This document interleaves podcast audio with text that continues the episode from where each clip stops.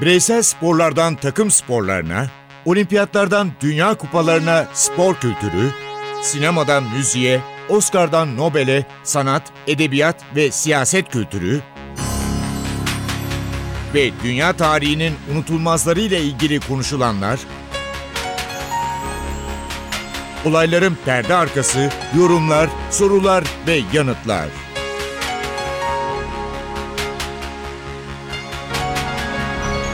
Ercan Taner ve Mert Aydın'la Ateş Arabaları başlıyor.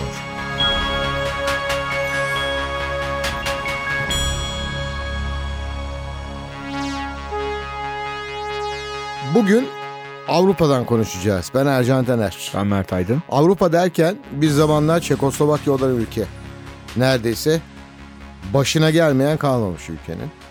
Onun dışında şimdi artık Çek Cumhuriyeti değil Çekya ve Slovakya. Evet. Ama bu ülkenin iki figürü var. 1920'lerin sonu 30'lar ve 1940'lardan biraz bahsedeceğiz. Tarihe gidiyoruz. Emil Zatopek deyince aklımıza ne geliyor? Aklıma benim şu geliyor. 1948 Londra olimpiyatlarında 10 bin metrede altın madalya kazanması. Ama Çeklerin neyi meşhur biliyor musunuz? Otomotiv sanayi halen o yıllarda ve lokomotif imalatı. Bu yüzden az önce bahsettiğim Zatopek'in lakabı Çek lokomotifi. Evet aslında günümüzde yapılması çok mümkün olmayan bir üçleme gerçekleştiren bir atlet. Büyüklüğünü anlamak açısından söylüyorum. Senin bahsettiğin 1948'deki 10 bin altının yanında bir 5 bin e, gümüşü var. Ama 1952'de Helsinki'deki olimpiyat oyunlarında 5 bin, 10 bin ve maratonda altın madalya kazandı. Yani bu üçlemeyi yapmak hakikaten e, inanılmaz bir şey. E, bunu gerçekleştiren bir e, isim. E, Avrupa şampiyonalarında 3 altın, bir bronz madalyası var. Hakikaten. Olimpiyatlarda toplamda 4 evet. altın, bir gümüş. Aynen öyle. Çok çok önemli bir e, karakter olduğunu söylememiz lazım. Belki atletizme başladığı ilk dönemlerde savaş olmasaydı belki 1944'teki olası bir olimpiyattan da e, madalyalarla döneceğini tahmin etmek güç olmaz herhalde. Onunla ilgili şey hikaye çok güzel bir hikaye var. 1952 Helsinki Olimpiyat Oyunları'nda e, Sovyetler Birliği de katılıyor ve diyor ki kardeşim olimpiyat köyünde biz batılılarla kalmayız diyor diye Amerikalılarla. Bunun üzerine iki olimpiyat köyü Helsinki'de yapılıyor. Biri batı bloku ya da diyelim ki birisi doğu bloku diğeri de kalanlar. Bir tane e, madalya için çok iddialı olmayan Yeni Zelandalı bir atlette inanılmaz derecede Zatopek hayranı. Ben diyor onunla konuşacağım diyor. Ve bir gün e, olimpiyat köyünden jog yaparak yavaş yavaş koşarak idman yaparak uzaklaşıyor. Alanında da bir 2-3 kilometre fark var iki olimpiyat köyünün. Diğerinin kapısına kadar geliyor askerler karşılıyor. Finlandiya ordusunun askerleri. Diyor ki ben diyor işte atletim Yeni Zelandalı diyor. Emil Zatopek'le görüşmek istiyorum diyor. İçeriye haberler gidiyor falan filan. Ondan sonra tamam gelebilir diye haber geliyor. Giriyor içeriye. Emir Zatopek gülerek karşılıyor onu ve sarılıyor. Ve bütün akşam yemek de ısmarlıyorlar onların kendi e, yemekhanelerinde. Ve bütün akşam boyunca kendisine sırlarını anlatıyor. Antrenman sırlarını anlatıyor. Ve ondan sonra da uğurluyor. Yeni Zelandalı'da e, bilgileri almış vaziyette, kağıtlara yazılmış vaziyette geri dönüyor. Bu Zatopek'in ne kadar çok aslında sevildiğinin de ve ne, neden sevildiğinin de en büyük göstergesi. Geçtiğimiz günlerde şöyle bir enteresan hikaye oldu. Bir e, yabancı basın e, kuruluşunda İngiliz mi Amerikalı mı emin değilim. Şöyle bir haber çıktı. 1952 olimpiyat oyunlarında Çekoslovakya takımı bir önemli bir atleti götürmeme kararı alıyor. Çünkü muhalif olduğuna karar veriyor. Komünist değil diye ve Emil Zatopek kendi kariyerini tehlikeye atarak yetkililere diyor ki o gitmezse ben de gitmem diyor. Ve ondan sonra da o, o sporcu da katılıyor kafileye. Ve bu isim 1990'ların e, sonuna geldiğimizde o zamanki adıyla Çekoslovakya'nın olimpiyat tarihinde gelmiş geçmiş en büyük sporcusu ilan ediliyor. Böyle bir hikaye. Evet, böyle bir 19, figür. 1968'de meşhur Çek Baharı'nda, Çekoslovak Baharı'nda diyelim, Prag Baharı'nda daha demokratik tarafta yer aldığı için bütün unvanları unvanları derken kendisine verilmiş rütbeler sökülüyor ve ondan sonrasını açıkçası değişik işte madenlerde çalışarak farklı yerlerde eziyet çekerek geçiriyor. Çünkü Ta ki- Sovyetler Birliği'nin bir tahakkümü var. Doğru. Ee, Çekbari dediğin olay biraz dinleyicilerimizi daha da aydınlatırsak tamamıyla Sovyetler Birliği'nin Çek tarafına, Çekoslovakya tarafına geçmesi ve bunun sonrasına geçmesi derken askeri kuvvetleriyle geçmesi ve oradaki yönetimi bitirmesi, Evet. birçok kişinin yargılanması, Dubček değil mi? kaybolması. Prag yönetimi. lideri. Evet, Evet. Alexander Dubček'i de. Daha sonra galiba Ankara'ya büyükelçi olarak gönderiyorlar onu sürgün olarak. Öyle hatırlıyorum ben. Yanındaki çok önemli adamları ortadan kayboluyor ya da idam cezası alıyorlar. Evet. Ee, Biraz daha eskiye giderim bence. evet, bu arada söyleyelim 1938'e. 2000 yılında da e, 78 yaşında hayatını kaybetti. E, Emil Zatopek onu belirtelim. Dünyanın en önemli uzun mesafe koşucularından biri. Aradan yıllar geçiyor. Biz de geriye doğru gidiyoruz. 7 Mart 1904'te sonradan adı Prag kasabı olarak anılacak bir bebek dünyaya geliyor. adı Hedrich. Evet Reinhard Heydrich ya da tam adıyla e, vermek gerekirse Reinhard Tristan Eugen Heydrich. Alman deniz subayı ve Adolf Hitler'in iktidara gelmesinden sonra SS kuvvetlerinde görevlendiriliyor ve uzun bir süre şöyle bir fikir öne sürüyor. Yıl 1938. Bütün Yahudilerin Avrupa'dan sürülmeleri ve katledilmeleri. Bununla ilgili bir plan ayarlıyor ve bu konuda çok büyük rol oynayan anahtar figürlerden biri.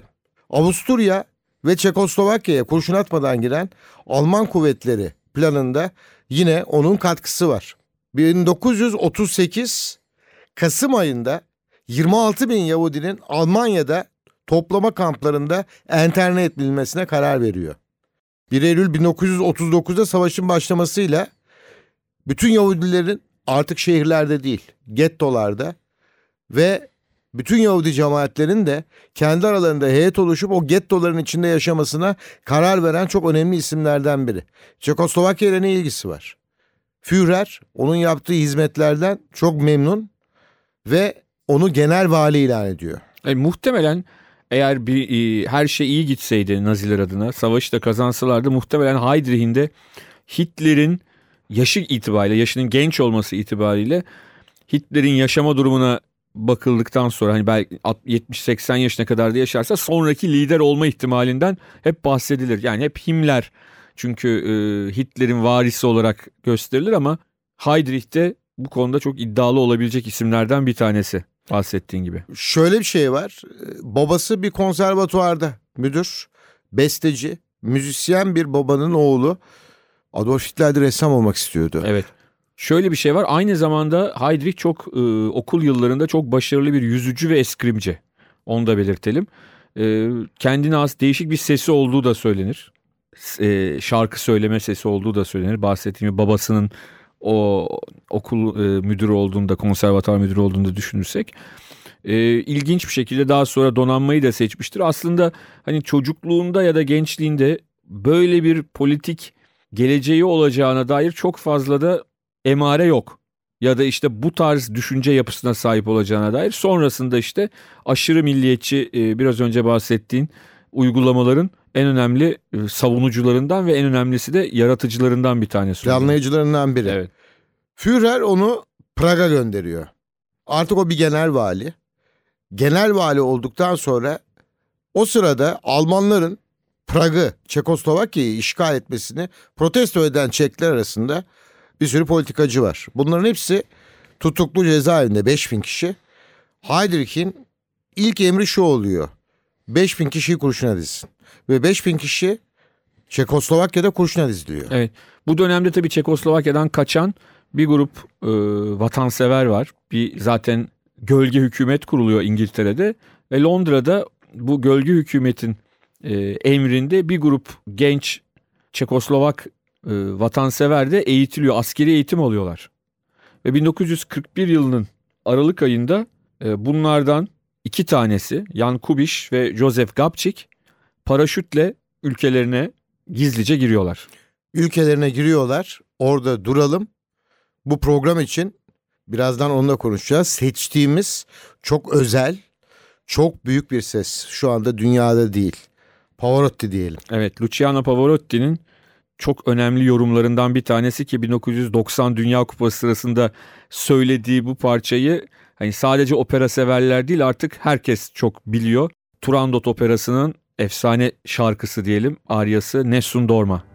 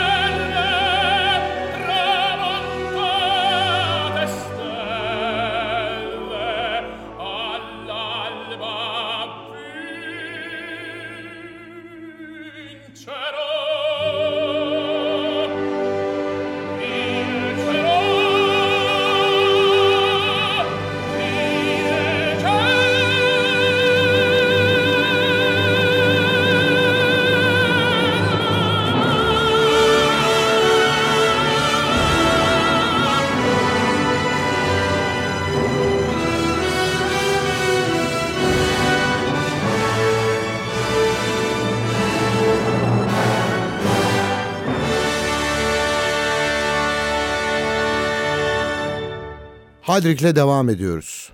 Çekler direnişe devam ediyorlar. Fakat SS'ler ve Gestapo hiçbirine göz açtırmıyor. Ve bunun sonrasında Mert'in az önce bahsettiği gibi 6 kişiden oluşan bir paraşüt timi Londra'dan Prag yakınlarına iniyor. Evet. Bir hedef var. Adolf Hitler'in, Heydrich'in, Hermann Görik'in beklemediği bir hedef. Hedef Heydrich. Heydrich. Ee, sen de seyrettin. Bu Heydrich ile ilgili bir film var. E, Antropoid diye. O bu operasyonun adı aslında böyle. Ee, orada şöyle bir şey var. İşte bu 6 kişilik grup demin bahsettiğim Kubiş ve Gapçik isimli ikilinin önderliğinde diyelim komutasında. Onlarla konuşurken Çekoslovakya'da yine direnişin temsilcileri diyorlar ki ya diyorlar Heydrich'i vurursak daha beter olmaz mıyız? Daha çok bizim ezmezler mi? E, diyorlar. Onlar da işte bir takım fedakarlıkların yapılması gerektiğinden bahsediyorlar. Ve e, bu suikast için planlar başlıyor yapılmaya. Planlar başlarken onlara yardım edenler var. Fakat her planın içinde hani meşhur Sezar'ın bir cümlesi vardır ya Sezar suikastinde sen de mi Brutus diye. Hı hı. Sezar'ın en yakını tarafından hançerlenmiştir. Brutus hançerlemiştir Sezar'ı. Bu timin içinde bir hain var. Zayıf halka diyelim. Zayıf halka diyelim. Dayanamıyor. Her şeyi Gestapo'ya söylemeye çalışıyor. Ama daha suikast gerçekleşmemiş. Evet. Ve sonrasında tabii çok da aslında planlama tam gerçekleşmemişken biraz alelacele bir suikast denemesi başlıyor. Ve e, sokağın ortasında herkesin içinde Ama ilk etapta şunu söylemek lazım. İlk etapta öldüremiyorlar. Yani Heydrich de karşılık veriyor yanındakilerle birlikte. Heydrich ayağa kalkıyor. En son e, Mert'in de bahsettiği gibi ben filmini de seyrettim. Ayağa kalkıyor, silahını çekiyor. O sırada direnişçiler, Çekler ateş ediyorlar. İki kişiler. Silah çalışmıyor. Evet. Sonra çalışıyor. El bombası atılıyor. Orada insanlar bir anda yaralanıyorlar. Ama ondan sonrası ortaya çok daha korkunç bir durum çıkıyor. Onu anlatacağız. Pavarotti arası verelim. Evet. Pavarotti'nin e, çok ünlü bir Napoliten şarkı. Bu şarkının İngilizcesini de Elvis Presley söylerdi. Biz İtalyancasını Pavarotti'den dinliyoruz. O Sole Mio.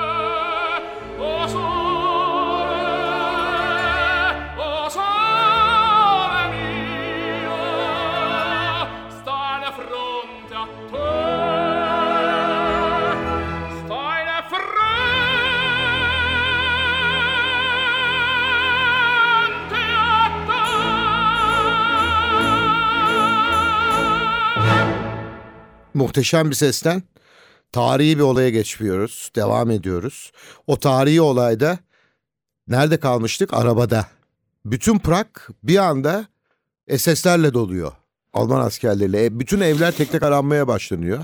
Herkes Heydrich'in kurtulduğuna inanıyor ve düşünüyor. Ağır yaralanıyor aslında zaten. İlk etapta da öldüre, öldürmediklerini düşünüyorlar. Onlar da suikasti gerçekleştirmeye çalışan ekip de başaramadık diye. Evet, oradan Prag'ın tam ortasında bir kil- kilise var. Evet. Orada saklanıyorlar. Papaz onları saklamaya kabul ediyor. Beraber mahzen, özel yerler var. Saklanıyorlar orada.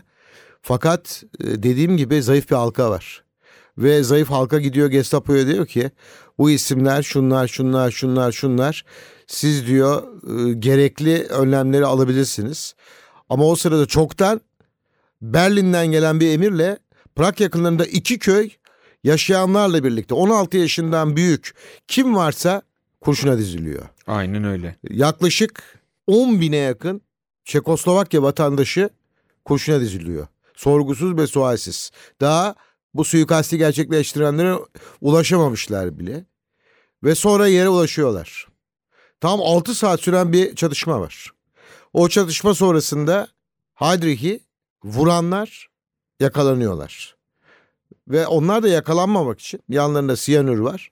Hayatlarına son veriyorlar. Fakat bu şunu gösteriyor. Gestapo'ya ve SS'lerin komutanlarına o ana kadar hiç böyle büyük bir saldırı yapılmamıştı.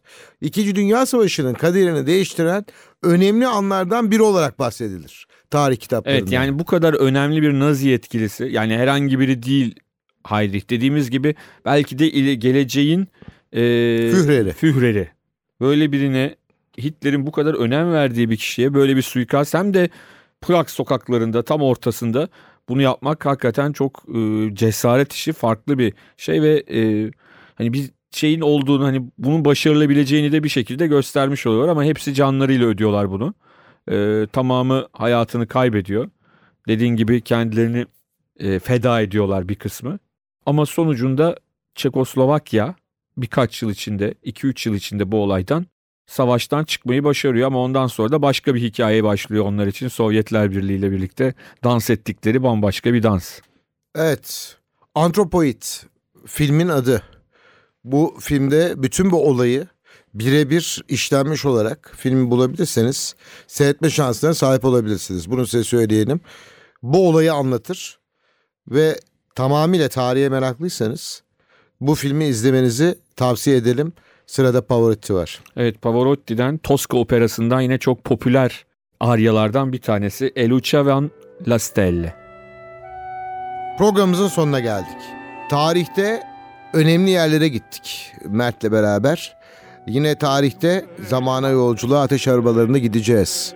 Portreleri, olayları ve olayların gelişimini sizlerle paylaşmaya devam edeceğiz. Ben Ercan Taner. Ben Mert Aydın. Hoşçakalın. Hoşçakalın.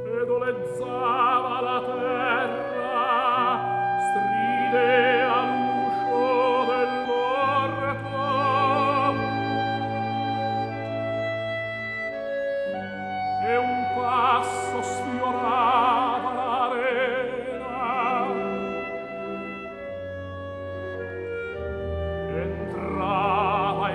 la terra,